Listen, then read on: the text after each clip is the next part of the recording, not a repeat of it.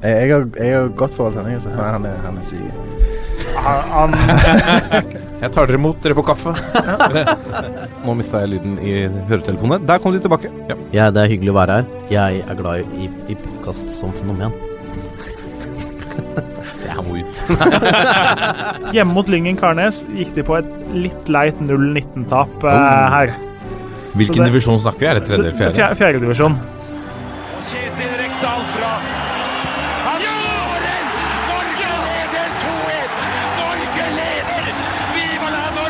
Klare.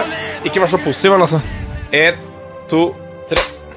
Og der er eh, toppfotball tilbake igjen. Eh, deilig å være tilbake. Nå har jeg hatt eh, to uker hvor jeg har kost meg eh, på en eh, eh, en uteservering Nei, det har jeg selvfølgelig ikke. Alt er jo stengt ned. Man har jo sittet innelåst og holdt på med gjøren og laden, såkalt familieferie, hørte jeg, hørte Lasse Wangstein sa i, i min stol. Selv om min stol i den sammenhengen sto på Dal. Uvant. Eh, altså nå tilbake som programleder Martin Roppestad. En glede, en ære. Eh, deilig å ha deg med, Lasse Wangstein. Du, eh, du velger altså å bli med selv om du har eh, mistet programlederstolen igjen. Ja, jeg eh, mener jo at eh, det viktigste er laget, ikke enkeltpersonene. Så Det er riktig. da, da steller jeg meg opp i den posisjonen jeg får beskjed om av uh, trener Roppestad. Det er som å høre Ole Martin Eskelquist i et sånt pauseintervju, eller høre en sånn fotballfloskel om at nei, men det viktigste nå er, er laget osv. osv. Kanskje vi skal lage en 100% politisk korrekt episode? Ja, det pleier å gå bra. La oss gjøre Ole det. Martin, ja, du, Ole Martin, du er med du også. Velkommen. Jo, tusen takk for det. Alltid stas å være med her. Ja, ja det er bra. Det er bra. Det er øh, Dere gjør det litt spennende i, eh, i, på nedre halvdel Obos, det må vi kunne si. Ja, det er jo Obos-ligaen. Det er jo eh, Varemerket er jo at det er eh, jevnt og kokos. Så må vi jo sørge for at det varemerket blir beholdt. Det er nydelig. Vi skal snakke mer om Obos i uh, Pulsen. Der skal vi også snakke om litt uh, eliteserie, fordi selv om vi nå er inne i en eliteseriepause, så skjer det ting. Uh, ikke så rent lite heller. Og vi må snakke om tendensene, da. Det er noen store giganter som nå nærmer seg faretruende nedrykkssumpa i Eliteserien. Som nevnt skal vi snakke om Obos. Der er det eh, lag som har en, gjort formidable klatringer, og lag som er på vei eh, nedover. Um, vi eh, skal også selvfølgelig adressere en, eh, en stor treneravgang eh, etter eh, denne sesongen. Og kanskje spekulere litt i hvem som kan ta over. Men nå er det ukens tulipan og kaktus. Nå må de faen meg skjerpe seg, så kommer jeg å river hodet av hver enkelt av dem.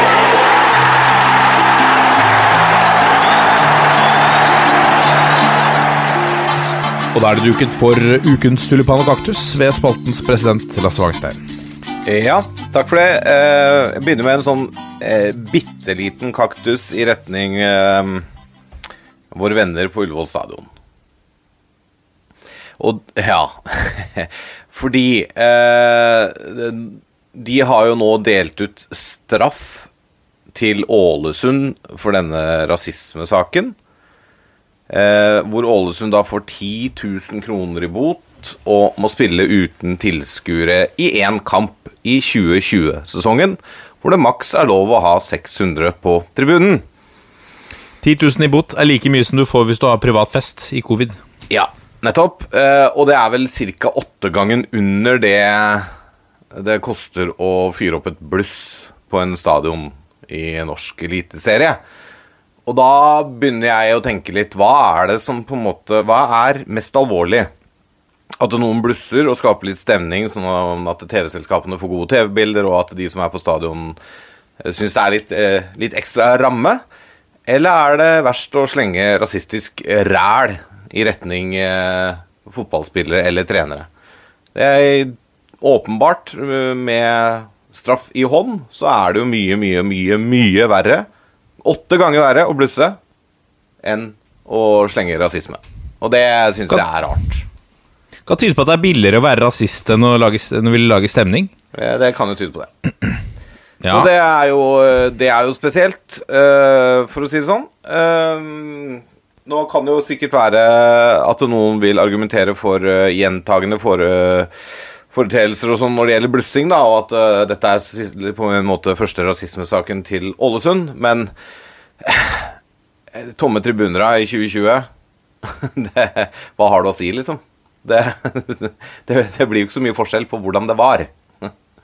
Så Nei, jeg, jeg syns vel eh, Og jeg, nå skal jeg ikke gå inn i den diskusjonen igjen på straffeutmåling på rasister på tribunen, for det Ja, jeg vet uh, kokte greit når dette først eh, skjedde, og at eh, flere vi, vi, vi, var, flere som ropte på lengre straffer da enn ut 2021-sesongen på vedkommende. Eh, og i det mener jeg fortsatt at vedkommende skal kunne utstenges lenger enn eh, halvannen eller en drøy sesong. Men eh, jeg, samtidig så følger jeg det Freddy Dos Santos bl.a. I stoppkampanjen har sagt, at han har ikke trua på livstidsutestengelser hvis vedkommende som ytrer seg rasistisk, er villig til å eh, ta noe kurs eller gjøre noe tiltak for å bedre seg. Og vise ja, Eventuelt en eh, god gammeldags eh, gapestokk nede på byens torg, da, kunne jeg altså tenke meg, faktisk. Ja, det er vel kanskje derfor Fred. Freddy leder den stoppkampanjen, og ikke du, Martin. Stille opp en eh, liten bøtte der med tomater og annet litt halvråtten frukt, egg. grønnsaker. Ja. Nei da, men, men jeg, jeg, jeg har jo litt trua på det at folk må få lov å på en måte gjøre opp for seg og vise at de er villige til å endre seg. Og det, det håper jeg både han i Ålesund er, og det, det virker jo som at Flamur Kastrati for all del eh, er det. Eh, og så er jeg litt mer usikker på han i Kristiansand, som ut, vel uttalte at eh, han skjønte ikke noe av dette. Hvis det var sånn det var, så er ikke jeg supporter av Start lenger. Så da skjønner du hvor lite det betyr å være supporter av et lag for han. Og at han egentlig ikke er enig i at han har ytra noe rasistisk. Eh, Så der er det kanskje ikke noe håp, da. Men eh, Og så er jo Ha. Sandefjord utestengt for livstid. Ja, så Men det kan jo hende da at den, han i Sandefjord, som for øvrig fikk 25 000 i bot av politiet for sine ytringer eh, Det kan jo hende at hvis han hadde gått en sånn liten runde der da i kraft av det stoppkampanjen, eh, kanskje kunne da vist eh, såpass anger at han kunne komme tilbake som vakt eller tilskuer på Sandefjord Arena en eller annen gang i fremtiden, da. Så Ja. ja. Det er vanskelig, er vanskelig greier. Er vanskelig. Jeg kunne selvfølgelig også gitt en kaktus for eh, håndteringen av Norge-Israel, men den velger jeg å ligge. Den uh, syns jeg taler for seg selv. Eh, så dagens andre kaktus, eh, apropos Sandefjord, den går jo til Sandefjord. Eh, snak, du snakket jo om i introen en betydelig treneravgang. Det har i dag blitt kjent at Marti Sifuentes, Sandefjord-treneren, ikke får forlenga kontrakten sin. og skal da sitte ut de resterende seks kampene før kontrakten hans er omme 31.12., og den blir ikke forlenga. Eh, jeg, sånn fra mitt ståsted her på Dal, så syns jeg det er rart at Sandefjord ikke går litt eh, lenger for å prøve å beholde en trener som jeg mener har fått det laget til å overprestert noe så inn i gamperæva. Altså, de solgte noen av sine beste spillere før sesongen og var spådd nord og ned. Ehm, og ser nå egentlig ut til å styre inn til en ganske trygg plass i Eliteserien og har imponert med solid spill. Um, jeg har sans for Sifuente som trener eh, og det han finner på. Og så er det sikkert mye der nede som gjør at det, det samarbeidet ikke lar seg gjennomføre. Men allikevel at man ikke er villig til å å prøve å løse det, det tror jeg kommer til å bite Sandefjord i ræva på sikt. Kanskje allerede neste år, det vet jeg ikke, men det, det, det kan hende. Jeg, jeg er litt spent på om hvem der ute som skal klare å få like mye ut av så lite da, som Sifuentes har fått. Eh, og da i forlengelsen av det så går tulipanen til Sifuentes, eh, fordi det er klart det er kjipt å miste jobben. Eh, og så syns jeg han håndterer det fint med Twitter-meldingen sin i dag, hvor han takker eh, Sandefjord og supportere og personale og alle han jobber med.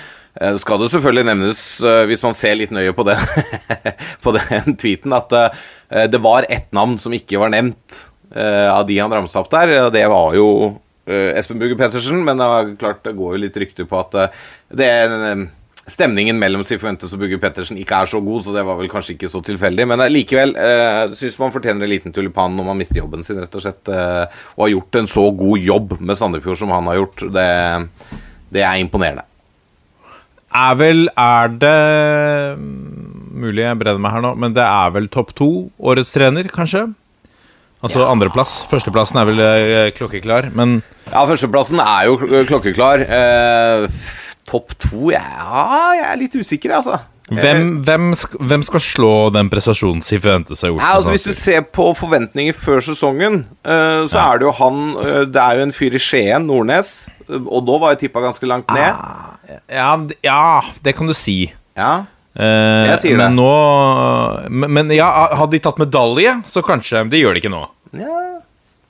Nei. De har det letteste programmet igjen, da. Ja. Du, du kan si at hvis, hvis Sandefjord havner sånn som de er nå Altså Nå er de fortsatt ikke på trygg grunn, men hvis de havner på sånn solid trygg grunn At de ikke er innblanda i nedrykksstriden eller innblanda i kvaliken de siste liksom to rundene, Ja. da mener jeg at det er eh, Ja da. altså, Ut fra de forutsetningene altså, Vi dømte jo de nesten eh, de, vi, vi trodde de hadde rykka ned nesten før serien hadde starta. ja, vi trodde det. De hadde ikke sjans. Vi spekulerte vel om det kunne bli sånn rekord i uh, hvor få poeng kan de ta. Ja, og de, det virka jo nesten som de ikke hadde troa sjøl engang. Ja, ja. Altså, eh, eh, de kutta jo Vi kan jo ta den, de, utvide den diskusjonen nå, da. Eh, vi skulle egentlig ta den i pulsen, men, men de eh, gikk jo gjennom kraftige kutt også i preseason. Så det var jo veldig tydelig klart at uh, Sifuentes også ikke ville få hente de han trengte til å gjøre det han ville med det laget. Og så har det jo eh, sakte, men sikkert kommet inn litt. Kanskje det er de eh, lokale onklene eller et eller annet som, som har åpnet litt opp da, etter hvert. Som, som man har sett at ok, her får vi litt resultater, så da kan de hente litt der og der.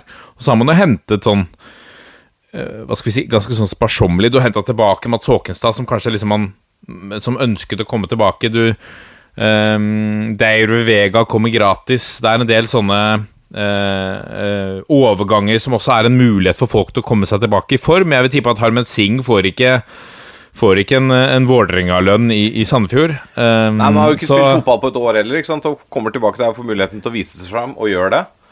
Ja, og da kan du ikke heller kreve så mye i lønningsposen. Nei, nei. Uh, så, så det er jo uh, Med det sagt Så de har måttet kutte uh, betraktelig. Um, og det er jo på ingen måte til forsvar for Sandefjord, men man kan jo prøve å se litt på det Du ser på det fra Dal, la meg prøve å se på det fra Kiellandsplass i, i, i Oslo. Eh, eh, så, så ut fra økonomiske hensyn så er jo Sifientes har jo en, en, kanskje en stil som hadde krevd at man hentet litt flere folk. Eh, han har jo et stort apparat med seg også, som er kostbart. Jeg tror han er kostbar i seg selv. Så det blir jo et veiskille her. Er med Sifuentes-metoden Er den Hvis man skal fortsette med han, eh, er det økonomisk spillerom for det i Sandefjord? Ja, Det er jo ikke sikkert. Nei, det er jo ikke sikkert, men samtidig da, jeg syns han har fått såpass mye ut av det lille han har, da. Så det hadde jo Jeg ville tenke at det for Sandefjords del så burde det vært ekstremt spennende å se Ok, hvis vi dytter på fem til ti millioner til på sport, da. Gir han et par sånne nøkkelspillere som han ønsker seg, som han mener går rett inn i den spillestilen, som er bedre enn det de har. Hva kunne han fått til da i Sandefjord? Ikke sant? Og alternativet er jo Nei, altså jeg vet ikke, men jeg, jeg bare Jeg syns han har fått til såpass mye med såpass lite at uh, Jeg er helt enig i at når eh, årets trener skal kåres, så er det jo tre kandidater. Uh, det er jo Kjetil Knutsen, ikke sant. Han, han, og så er det to nominerte til som alle vet at de ikke kommer til å vinne. Det er godt mulig Sifuentes er en av de. Og så er det litt usikker på tredjemann. Det kan være Nordnes, det kan være noen andre, ikke sant. Det, det kan hende de for alt jeg veit, setter opp uh, Fagermo fordi at Vålerenga har uh, røra rundt på 7,4 i snitt de siste ti åra. Og så plutselig er de med og kjemper om både medaljer og e-cup, så det, det, det vet jeg det jeg jo ikke. Men nei, altså, jeg bare For Sandefjords del, altså, tror jeg kanskje de hadde kunne dratt nytte av Sifuentes noen år til. Men det er mulig han er så krevende at det selvfølgelig har nådd et punkt som det ikke lar seg gjøre, da. Men øh, det blir jo spennende å se hvem som tar over nå, da. Og så er jeg jo alltid spent når sånne øh, nyheter kommer før sesongen er ferdig. Nå gir jo det Sifuentes tid til å sondere markedet, det gir Sandefjord tid til å sondere markedet, men hvem kommer inn og tar over? Altså, Hvem er aktuelle kandidater til å ta over Sandefjord nå? Er det, er det noen eliteserietrenere eller Obos-ligatrenere der ute som på en måte har lyst på den jobben, eller er det noen assistenter noe sted som eh, har større ambisjoner enn å være assistenter, som kunne tenke seg å ta over? Altså, hva, hvor ser Sandefjord? Det er jeg spent på. Ja, men la oss, før vi går inn på det, da. Eh, Ole Martin, det er igjen seks kamper av serien. Eh, nå er det klart at Sifuentes gir seg. Hva slags effekt kan det ha på og Sånne spørsmål elsker du at jeg stiller til deg, ikke sant? eh, det, er, eh, det er Hvor mye er det? Det er seks poeng ned til kvalik. Det er eh, seks matcher igjen å spille. Eh, de er jo langt på langt nær Altså, de er jo ikke, de er jo ikke sikret ny plass. Eh, hva, hva tror du om hvordan en sånn nyhet kan påvirke spillerstallen? Jeg tror uh, Sandefjord uh, definitivt kommer til å holde plassen pga. nyheten i dag. For jeg tror uh, Marti skjønner at nå spiller han kun for sin egen attraktivitet inn i markedet. Og jo bedre Sandefjord gjør det de siste seks kampene nå, jo mer attraktiv blir han for større jobber. Jeg tror spillergruppa blir heltent på å gi han eh, gode karrieremuligheter videre, og ikke minst eh, seg selv, da, med tanke på Eliteserien gjøre seg attraktiv for en ny trener. Um, så jeg tror at den prestasjonsgruppa som er i, i Sandefjord, eh, kommer til å stå veldig sterkt nå ut året pga. det som skjedde i dag. Eh, og jeg tror det kommer til å være mange som finner motivasjon med det. Og jeg er helt overbevist om at Marti kommer til å selge det inn sånn at det blir en motivasjonsfaktor. Så jeg tror vel, om det har noen effekt, så tror jeg den fort vil være positiv, jeg. For eh, Marti vil vinne kamper, trenerteamet hans vil vinne kamper for sin egen del. Eh, Spillergruppa har jo lyst til å være i Eliteserien neste år, og har jo åpenbart hatt et forhold til Sifuente som gjør at de har lyst til å gi han gode muligheter i framtida. Uh, så jeg tror det kan brukes til noe positivt mot slutten av sesongen, og at de kommer til å plukke poeng og holde plassen. Det blir spennende å se hvordan det slår ut. La oss adressere det du var innledet med, da, Lasse. Hvor ser de? Ryktene sier at de er på jakt etter litt hva skal vi si, litt friskt blod i, i toppfotballen. At de kanskje ikke går for en det kanskje ikke er duket for en retur av Lars Bohinen eller, eller noen andre gamle travere. Det er kanskje ikke Sven Gøran Eriksson som tar turen inn på, på Sandefjord Arena, selv om jeg fortsatt drømmer om det. Jeg, lanserer det hver gang det er en ledig jobb på sånn Rosenborg-Molde eller noe. Sven Gøran Eriksson. Men for hvert år jeg lanserer det, jo nærmere Altså, han nærmer seg jo 80, så det er jo Så det begynner å haste litt, da. Uh, men, men vi får Vi får velge å tro at kanskje han kommer inn døra der. men du har jo noen, noen aktuelle kandidater, hvis vi tar for oss Obos, da, eksempel. du har jo den, den vante trioen, som man alltid nevner. Jørgen Ises, Eirik Kjøne, Ole Martin Eskelquist. Så bra at vi har deg der, eh, her da, Ole Martin, til å, til å svare på spekulasjonene. Får jeg bare, bare kjapt innpå der. Du nevnte eh, Senes. Ja. Det er jo én i den trioen er, jo, er vel nesten 80 til sinns? Har han ikke sagt ja, det, det sjøl, da? Det er riktig. Så hvis de ønsker ja. en mann med ungt ytre, men gammelt indre Når det gjelder Svennis, så er det faktisk en link der. da, For sønnen til Svennis driver jo et agentfirma med en mann fra Sandefjord. Oh. Mm. Da er du god. Så, ja, der, eh, da, da, kan vi bare calle den, og så lar vi resten av spekulasjonene ligge. Gjør vi ikke det? Ja, Mener du Kjønne og Isnes? Ja, vi kan gjerne spekulere rundt de. Det er gøy. Det er jeg med på.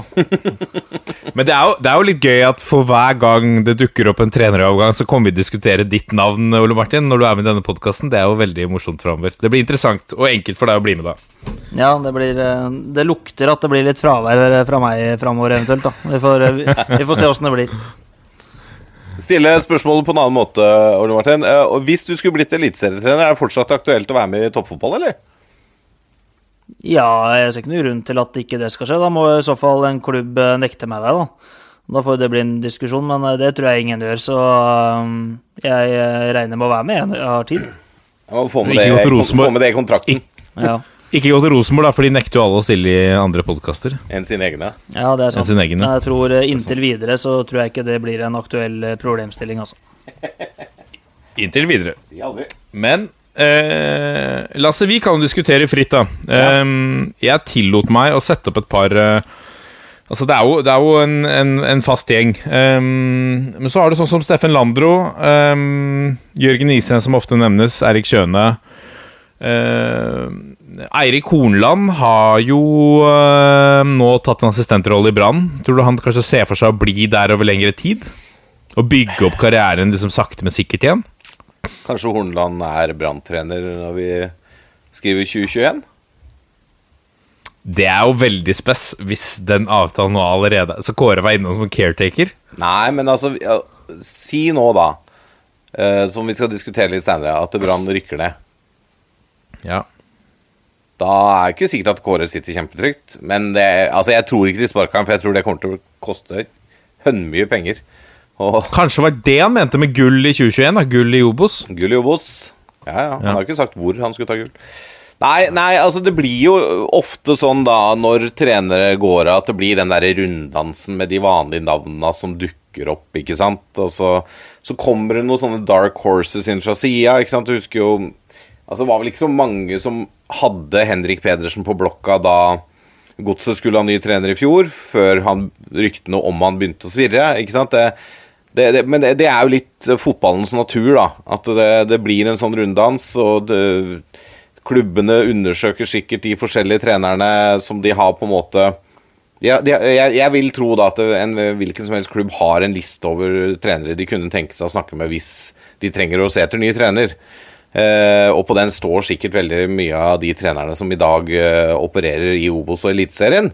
Eh, og så er det kanskje, det som jeg nevner, da, det kan jo hende at det er en eller annen assistent der ute som har høyere ambisjoner og som har lyst til å ta det neste steget. Sånn type Horneland, da. Men Jeg sier ikke at han Jeg tror ikke han er kjempeaktuell. Eh, eller så kommer det en eller annen inn fra sida. Fra Sverige eller Danmark eller Belgia. Altså, det kan jo skje, det òg. En Ja. man liksom egentlig ikke har tenkt på. Det var jo det som skjedde med Sifuentes. Sifuentes var jo en sånn dark horse som kom fra og trente juniorlaget til AIK, vel. Ja. Og det, så det har jo Sandefjord som klubb har jo lykkes på det markedet der før. Og det er jo Det er jo uendelig mange gode fotballtrenere som vi ikke veit om. ja. Helt klart. Som, eh, som plutselig kan dukke opp eh, gjennom et eller annet. Ja. Og jeg syns jo for norsk fotball sin del da, så er det en berikelse å få inn sånne typer som kommer fra en litt annen kultur, og som har et litt annet tankesett, da, enn at alle har gått den samme skolen. Og dette er ikke for forkleinelse for Ole Martin, for jeg, jeg hadde elsket å se Ole Martin i Eliteserien. Uh, men jeg tror for norsk fotball så kan det være bra å få inn folk med litt andre tankesett og litt, andre, litt annen inspirasjon, da. Jeg vet jo, Ole Martin, at du, du, har, du snakker jo med andre trenere. Du har sikkert snakka med Marti Cifuentes òg, sikkert uh, plukka hjernen hans på ting eh, og henta inspirasjon fra han. Eh, jeg tror det er bra jeg, for utviklingen av norsk fotball. Så en dark horse eh, hyller jeg. Jeg tror det er veldig bra for norsk fotball at eh, man ikke ansetter trenere, ledere eller henter spillere bare på gammel vane. Eh, og om det er å hente en uh, assistenttrener et eller annet sted, om det er å hente en fra Obos-ligaen eller fra et juniorlag i Sverige eller fra en eh, ungdomsavdeling i Tyskland, det, det kan være bra alt sammen. Men at, det er, eh, at ikke man bare ansetter folk på gammel vane, det tror jeg er bra for norsk eh, fotball. Eh, jeg har jo vært eh, Jeg har jo eh, bistått i min første trenerovergang som agent. Um, det, da fikk jeg sagt det også. Eh, det er jeg jo litt stolt over, så det må jeg jo eh, ta opp her. Eh, Heter agenten agent nå? Formidler heter det vel. Formidler. ja. Ja, jeg kaller det formidler fordi Ole Martin jobber ikke med agenter. Så hvis jeg kaller meg formidler, så kanskje jeg får jobbe med Ole Martin en dag. um, men eh, men da, da kom vi da kom, Det var ganske interessant, for da kom jeg ganske tett på Jeg, jeg bisto Håkon Lunov i at han ble ny trener for Fram Larvik. Eller Fram Fotball, som de heter. Fram Fotball Elite heter de kanskje. Det ble en diskusjon på Twitter med dem selv om hva de het. Ehm, uh, hvor uh, jeg, Da kom jeg ganske tett på prosessen. Det var interessant. Jeg lærte mye av det. Og så Da var vi i litt sånne diskusjoner frem og tilbake. Eh, så det gikk, gikk noen dager, og så diskuterte vi litt frem og tilbake med kontrakt osv.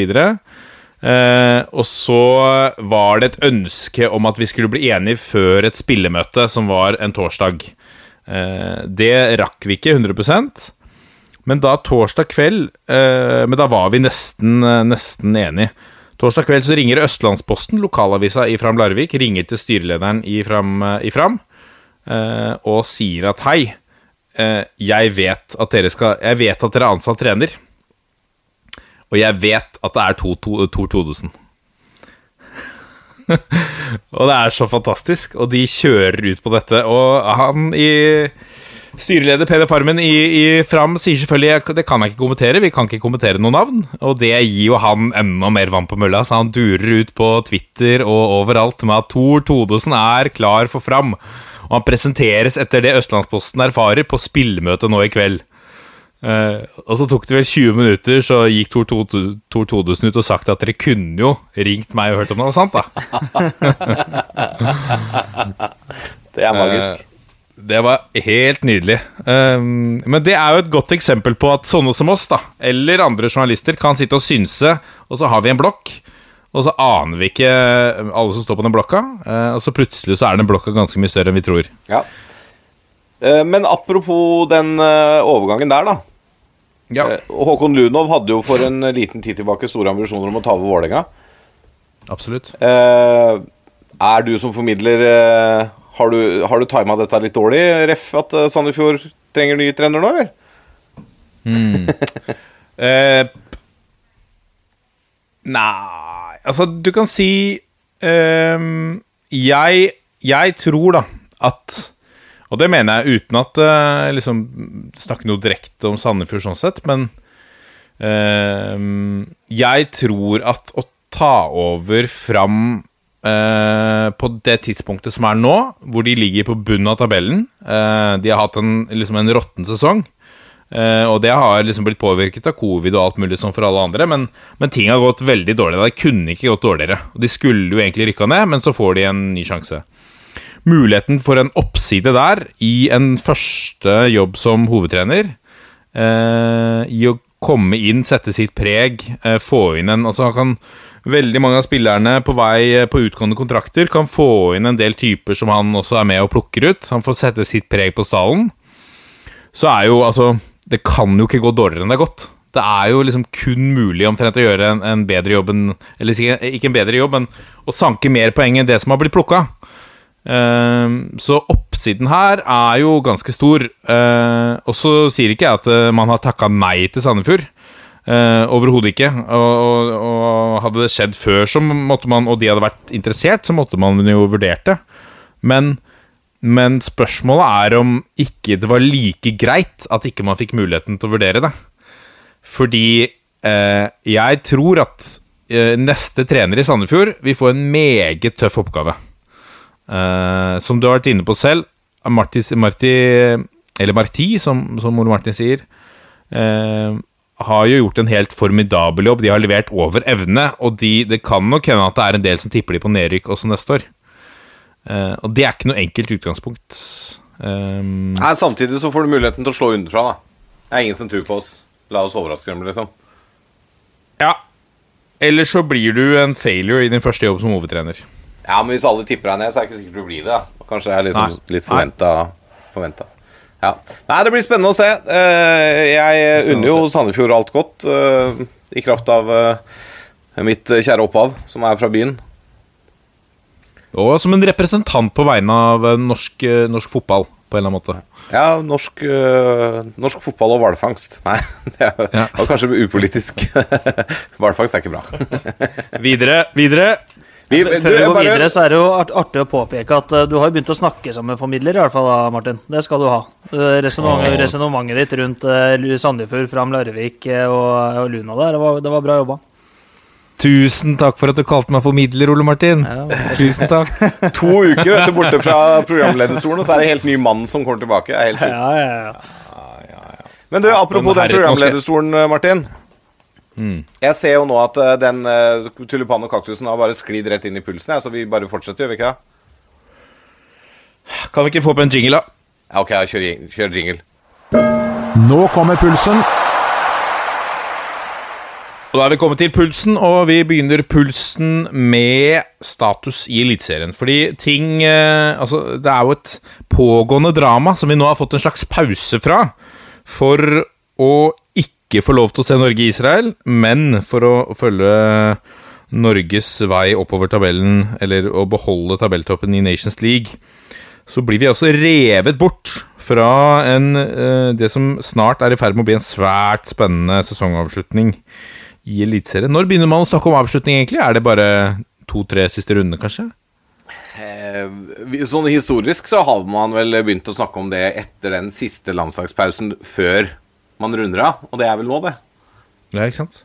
Så, men det er jo Altså, den reelle sesongavslutningen er jo siste serierunde, det, er det ikke? Ja. Det er i hvert fall på tide å brette opp arma. Det begynner å nærme seg en slutt, da. Og det er jo klart eh, Det er jo en del lag her med litt forskjellig utgangspunkt nå inn i, inn i seinhøsten. Inn i adventstida.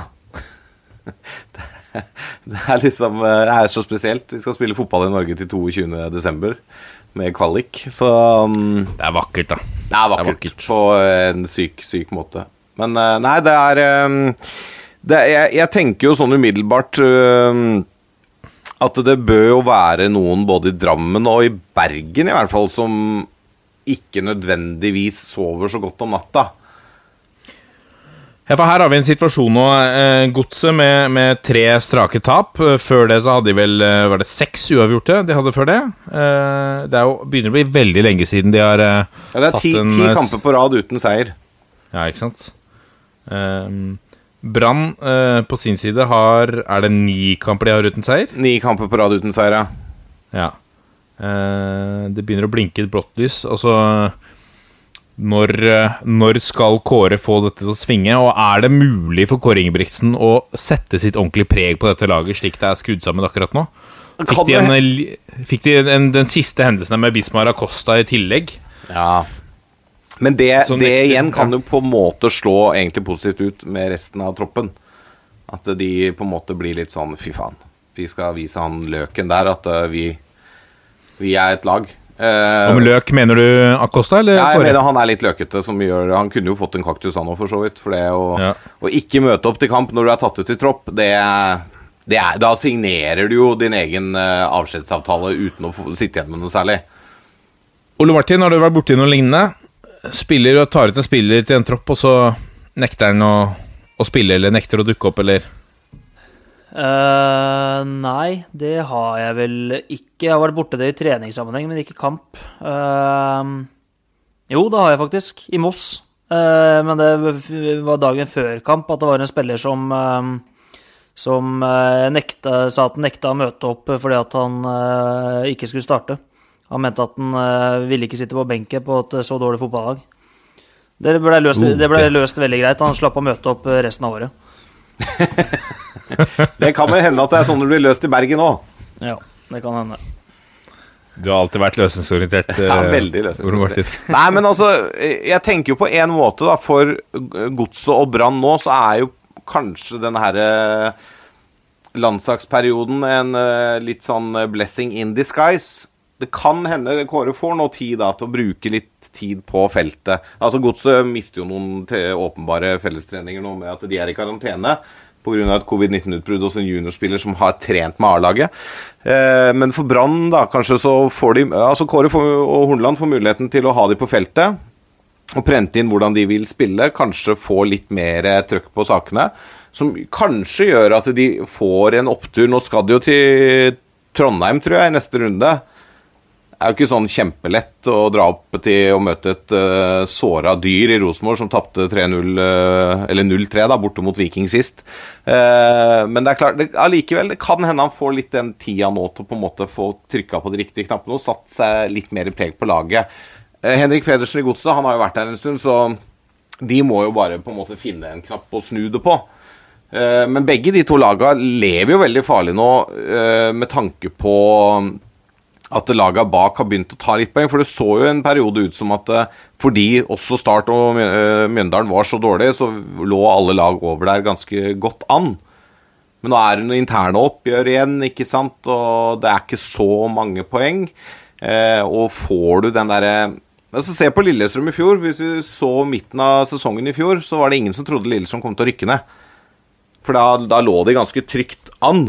Og så bare Du så jo hvordan de falt sammen kamp etter kamp, ikke sant? Hvis det er en derre Ja, det er jo det er jo eksempelet mange bruker nå, er hvem blir Altså Årets eh, Lillestrøm. Hvem blir årets Lillestrøm, rett og slett. Er Eh, og så har du kandidater.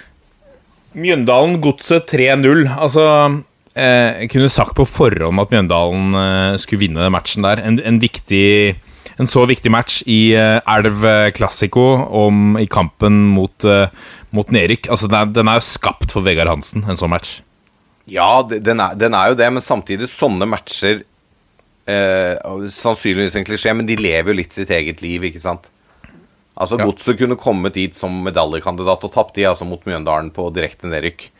Eh, og vice versa, altså. Så det er, det, de, de kampene der lever sitt eget liv. Det er litt tilfeldigheter. det er- Men altså, Mjøndalen vant meget fortjent. De var best. Det var ikke noe å tenke på, det, altså. Men det er klart, det, det gjør ekstra vondt for Godset når det betyr at eh, de, de setter lilletåa ned i nedrykksgjørma, i hvert fall. Ole Martin, det, jeg vet jo du ser mest Obos, men du følger jo en del med i Eliteserien nå. Uh, av de fire Kanskje ta med de fem på bunnen der, da. Brann, Godset, Start, Mjøndalen og Ålesund. Hvem av de ser best ut? Uh, uh, sånn spillmessig, eller dårligst ut, sånn som det er nå? Akkurat nå? Ehm, nei, jeg skal vel uh, kanskje tørre å si at eh, Ålesund ser dårligst ut. Jeg tror Ja, Ålesund er rykker ned. ja, Ehm, men spillemessig? ja, spillemessig Nei, jeg syns, eh, jeg syns Godset har det beste toppnivået. Uh, det syns jeg. Og så syns jeg også det er litt interessant med Godset, er jo at dette her minner jo litt om starten av perioden til Deila òg. Når Godset lå i bunnen der, og så valgte de å forlenge kontrakta med Deila. Pedersen forlenga vel kontrakta si med tre år eller noe sånt nå, i september. Eh, Så de har åpenbart veldig trua på han. Jeg kjenner ikke han i det hele tatt, men han, han eh, går jo for å være flink. Så jeg tror, jeg tror godset med toppnivå og, og intensitet i bunnen i spillet sitt eh, kommer til å komme seg gjennom dette her. Uh, ellers så syns jeg de andre laga um, jevnt over har prestert litt for tynt. Eh, men det er også lag som evner å vinne kamper. Eh, Start er kanskje det laget som eh, har overraska meg mest eh, positivt siste fem, for jeg syns de har greid å ta med seg noen viktige seire når det, når det gjelder. Mjøndalen veit vi jo, når, når de spiller viktige kamper, så skjer et eller annet med Mjøndalen som gjør at de er vanskelig å møte, og de er vanskelig å slå. Så er jo den trenden til Brann litt sånn bekymringsverdig, da. Så tror jeg at Kåre og Hornland er såpass rutinerte at de skal greie å lede de gjennom dette her. Men eh, det blir spennende å se. Eh, eneste jeg er sikker på her, er Ålesund. Og så tror jeg Godset greier seg fordi at de har det høyeste toppnivået som jeg har sett. Og så er jeg veldig spent på Mjøndalen Start eh, Brann. Så tror jeg, som jeg sa tidligere i sendinga, at Sandefjord holder plassen. Brannspiller Robert Taylor var jo med på det litt B-prega finske landslaget som slo Frankrike i Paris nå i går. Eh, Så verdt å ta med en tweet fra fra eh, hva skal vi si eh, fanebergenser Davy Vatne, som sier at det er visst enklere å slå Frankrike og Paris enn å redde Brann fra Erik. Det Ja. blir jo interessant å se om det går troll i jord der. Ja, det blir veldig interessant. Jeg, jeg tror jo eh, Altså, helt ærlig, jeg, jeg tror det kommer til å stå mellom eh, Mjøndalen og Start om å unngå det nedrykk og om å få kvalik, selv om, selv om det er pustes litt eh, tyngre i både Bergen og Drammen akkurat nå. Eh, det er litt på det toppnivået eh, i godset som eh, Ole Martin nevner. Det går litt på rutine Altså, Jeg sier ikke at Brann har rutine med å ligge der nede, men de, de har et forholdsvis rutinert fotballag. Og det er ikke så mye som skal Det er ikke så mange poeng som skal til før den plassen er sikra. Men det er klart de må ta en trepoenger snart. Og, eller håpe på resultater sin vei. Så jeg, jeg utelukker ikke. Men jeg, jeg tror hvis, hvis noen av de som ligger rett foran Erik nå, uh, havner på kvalik eller nedrykk, så er det Brann. Eh, Faktisk. Jeg, jeg tror, eh, som Ole Martin sier, eh, pga. toppnivået til godset de, de har egentlig ikke vært så dårlige i de kampene de spilte uavgjort, mange av de, men de evna ikke å, å vinne de, og så var de dårlige mot Mjøndalen, og de var ikke kjempegode mot Vålerenga heller før det. Men i de kampene i forkant der, så de, hang de godt med. Så det er litt tilfeldigheter, litt marginer, og selvfølgelig går, det går jo også selvfølgelig på dyktighet og på kvalitet. Jeg, jeg, jeg syns at strømskoster fremstår litt tynne i eh, angrepsleddet, spesielt. Altså fra 16 og inn. Um, ja da, Salvesen eh, Mava var eh, bra i fjor høst, for så vidt. Men de har jo ikke briljert i år. Det er mye kraft, og det er mye Men det, er, det- er også mye skudd som går på rad eh, 17, ikke sant, og nesten ut i Drammenselva der eh, av og til. Så det, det, det, er, litt, eh, det er litt uryddig på topp der. Eh, Så Men Nei, jeg holder meg nok foreløpig på at det er Mjøndalen og Start som må gjøre opp om den siste kvalikplassen. Men jeg utelukker ikke at uh, verken Brann eller Godset kan rote seg ordentlig ned før vi Altså, For oss nøytrale så hadde det beste vært om alle fire kjempa om de to plassene, om å unngå de to plassene i siste serierunde. Sånn at det skifta hele tida. Det hadde vært magisk. 19. desember der. Og så er det jo litt sånn av eh, året som har vært, da, og situasjonen vi er inne i òg, så er det jo Så lenge det er så jevnt, så kan det bli sånne tilfeldigheter som blir helt eh, fatale, for, fatale for noen klubber òg. For det er jo Hvis eh, f.eks. Godset nå skulle få smitte, da, få utsatt kamper, så står de med åtte kamper igjen på de siste fire-fem ukene. Eh, og hvordan vil man håndtere det? Og så har det også det har vært en lang sesong, og det er tett med kamper i neste periode i Eliteserien, hvis ikke jeg husker feil. Og, og skadesituasjonen er jo viktig her. Er jo, alle disse lagene her er jo sårbare for én eller to skader på de viktigste spillerne. Så det er um, Jeg blir ikke overraska heller hvis det er ett lag som uh, sitter igjen og havner på en dårlig plassering her, som eh, føler at de har vært veldig uheldige òg de siste fem ukene. Hvis vi snur tabellen før vi går til Obos, eh, snur tabellen her eh, med Det er jo eh, Glimt tar jo eh, spiker i seriegullet neste runde, vel. Eh, også teoretisk. Eh, men det er fortsatt kamp om, om sølvplassen og bronse. Så tok jo Vålerenga et lite steg forbi Odd i, i forrige sekspoengsmatch, må vi kunne kalle det, i den viktige fjerdeplassen som også gir Europa kvalik. Um, hva er tankene dine, Lasse, om, om eh, ståa der nå? Molde, Rosenborg, Vålerenga og ja, Skal vi ta med Odd, da? I den, det er fire poeng opp til en fjerdeplass. Ja Nei, det er tre poeng for Odd opp til fjerdeplassen. Ja, tre poeng, sorry. sorry. Ja, eh, og de har litt eh, Nei, de har ikke bedre målforskjell lenger heller, vet du, for at de tapte jo sist, stemmer det. Nei, men Nei, hva skal jeg si? Det blir jo veldig spennende. Det er noe interne oppgjør igjen der. Molde og Rosenborg skal vel møtes, hvis jeg ikke husker helt feil. Eh, Rosenborg skal på besøk til Oslo. Eh, så det er eh, Dette blir, det blir jo Heldigvis, da, siden gullkampen var avgjort uh, i juni, eller hva det var, så er jo eh, er det jo spenning om de tre e-cup-plassene, for det fjerdeplassen gir e-cup-kvalik i, i år. Eh, jeg heller jo mot at eh, Molde og Rosenborg gjør opp om sølvet fordi de har erfaringen, og de har de har bedre bredde og bedre kvalitet i spillerstallene sine. Samtidig så har ikke Molde, selv om de nå har fem kamper på rad uten tap og har vunnet fire av de, og så uavgjort nå sist, så de har ikke imponert hele tiden. De er veldig sårbare hvis Magnus Wolff Eikrem ikke kan spille. Hvordan vil e-cup påvirke dem?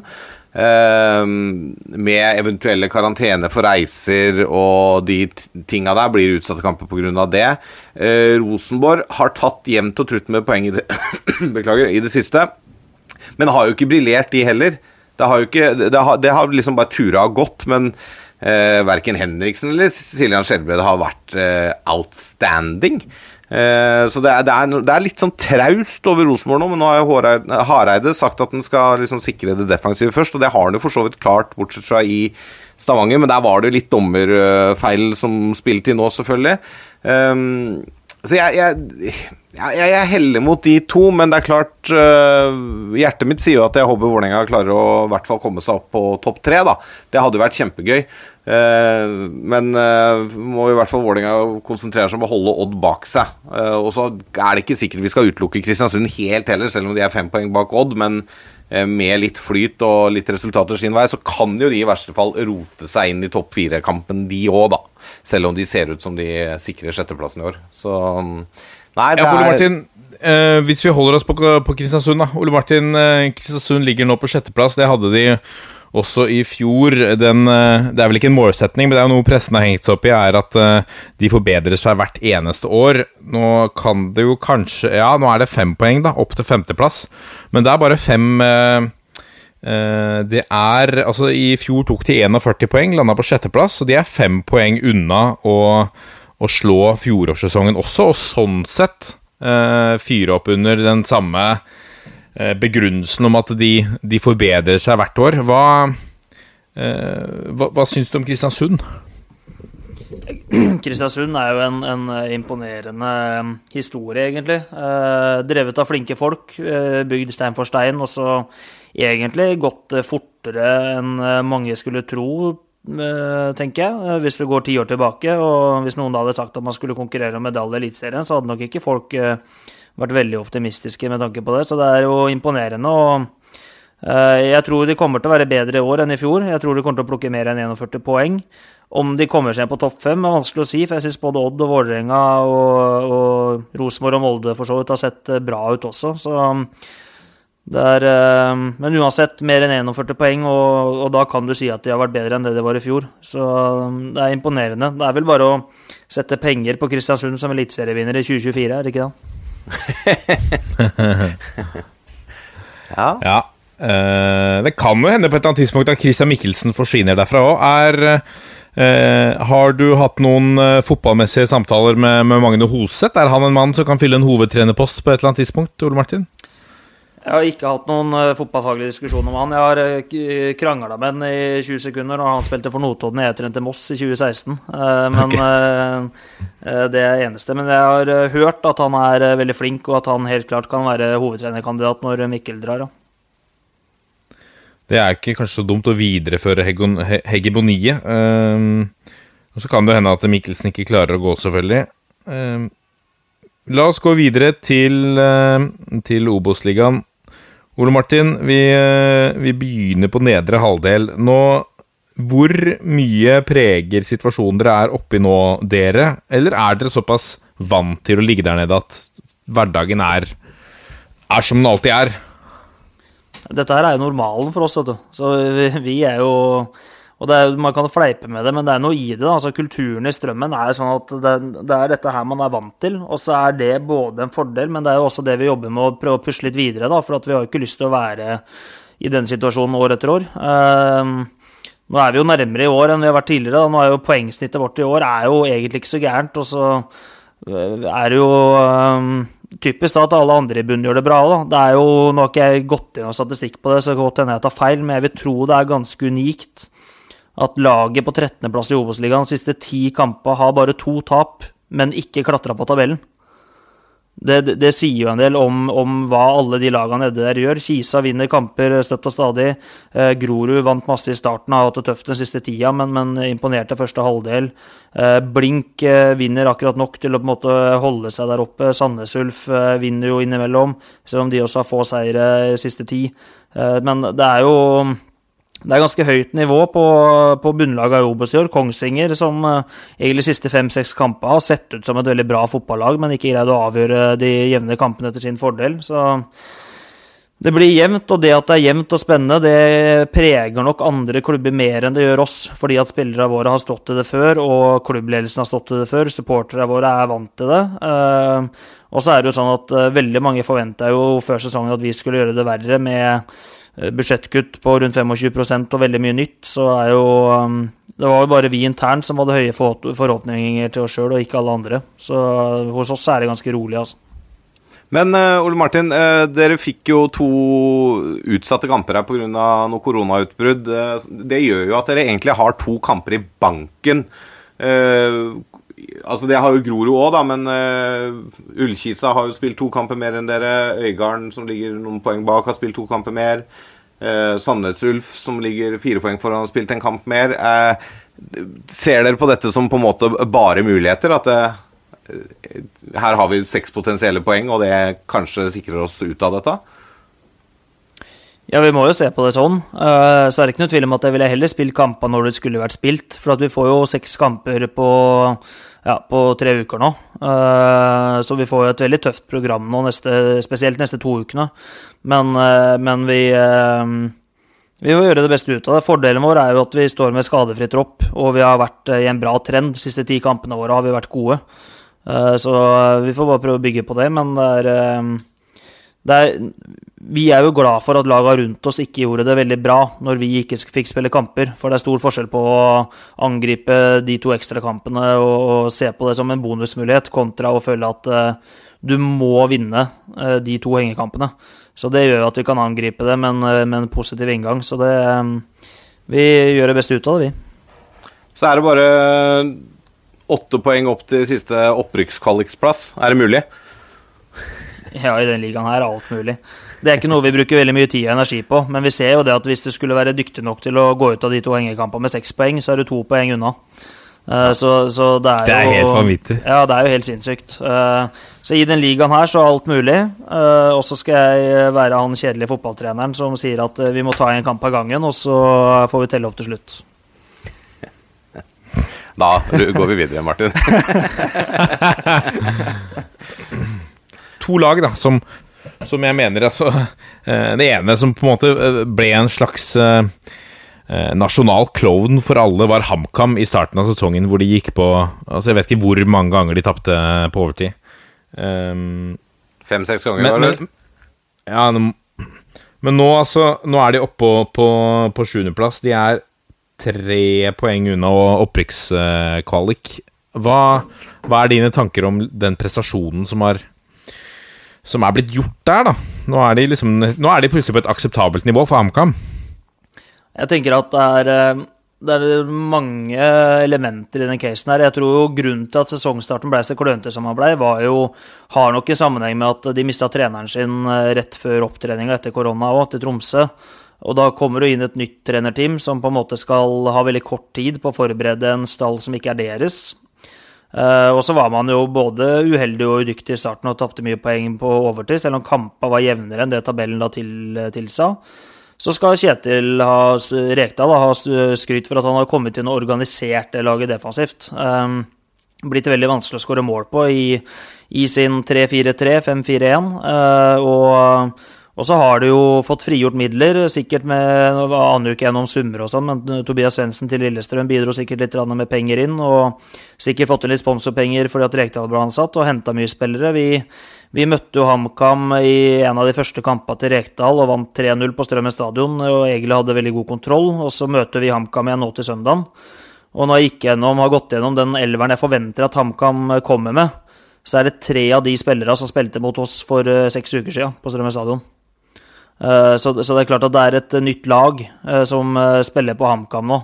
de har ny keeper, de har nye stoppere, de har ny høyrebekk, de har to nye kanter. de har henta spiss fra start, så det er, det er, det er ikke sammenlignbart. Det er to helt forskjellige lag, og det laget HamKam har nå, er jo et topplag i Obos-ligaen. Det er jo ikke noe tvil om i det hele tatt.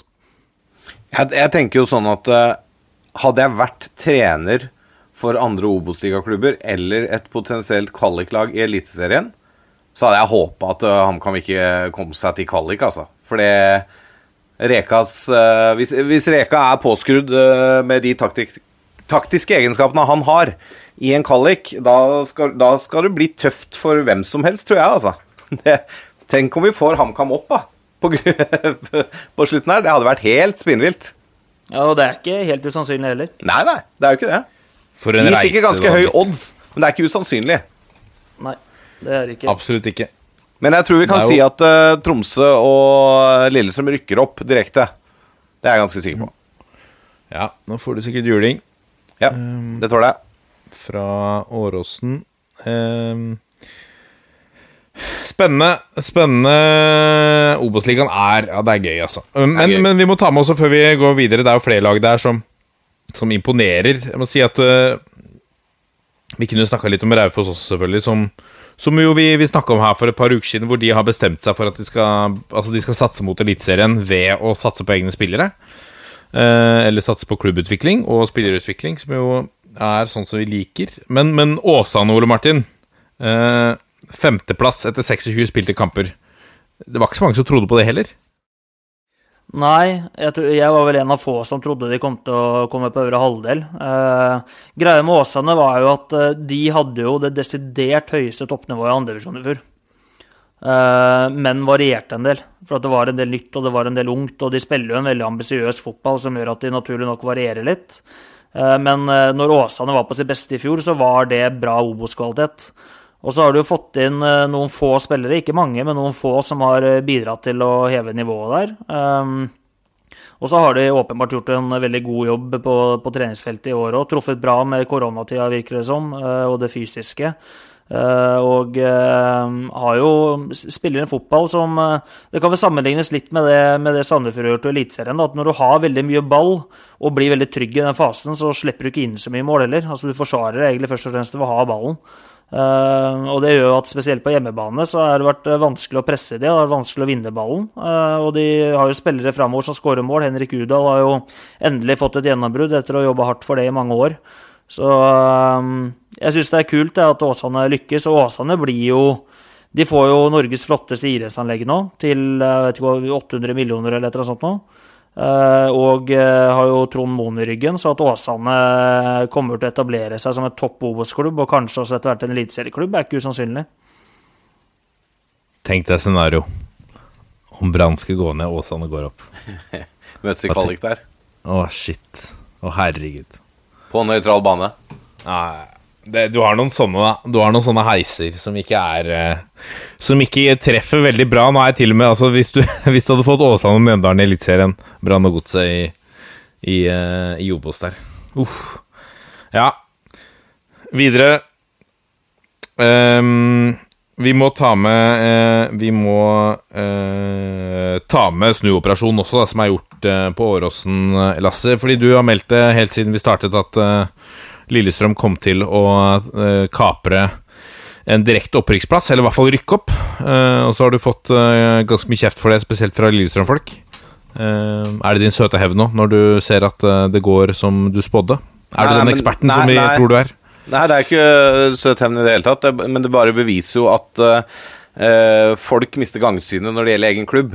og spesielt kanskje på Åråsen, hvor det skal manes og antimanes over en lav sko. så der, er jo, der kan jo ingenting gå, og alt går til helvete hele tiden. ikke sant? Det, du veit jo åssen det er med den gjengen der. Eh, det, det er, de er en gjeng, eh, akkurat som vi er. Så nei, det, altså dette har vært ganske Altså, det er klart akkurat når det var den verste perioden, uh, så begynte de å lure litt hva er det som skjer på Åråsen.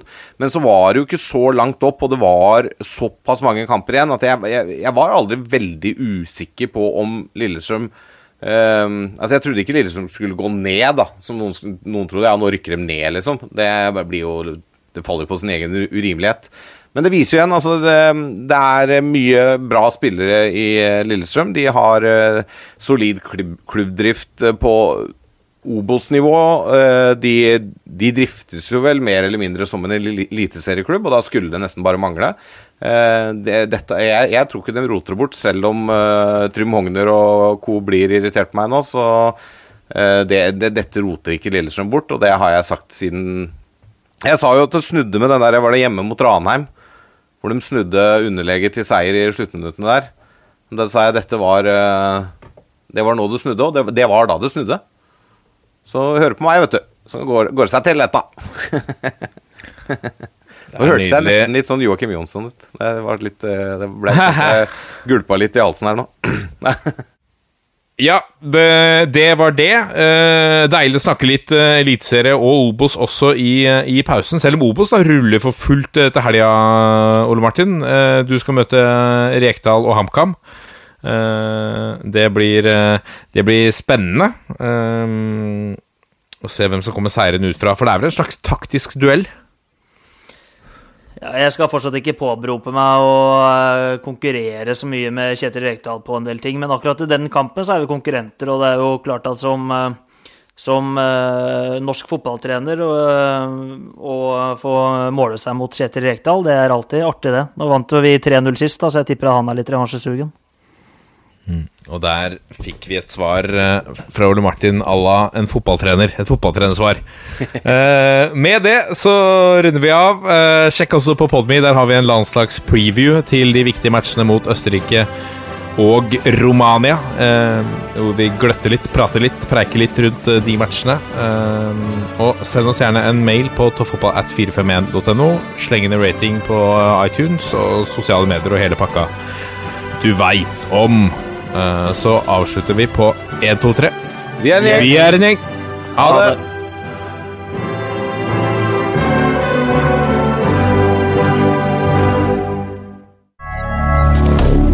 Moderne media.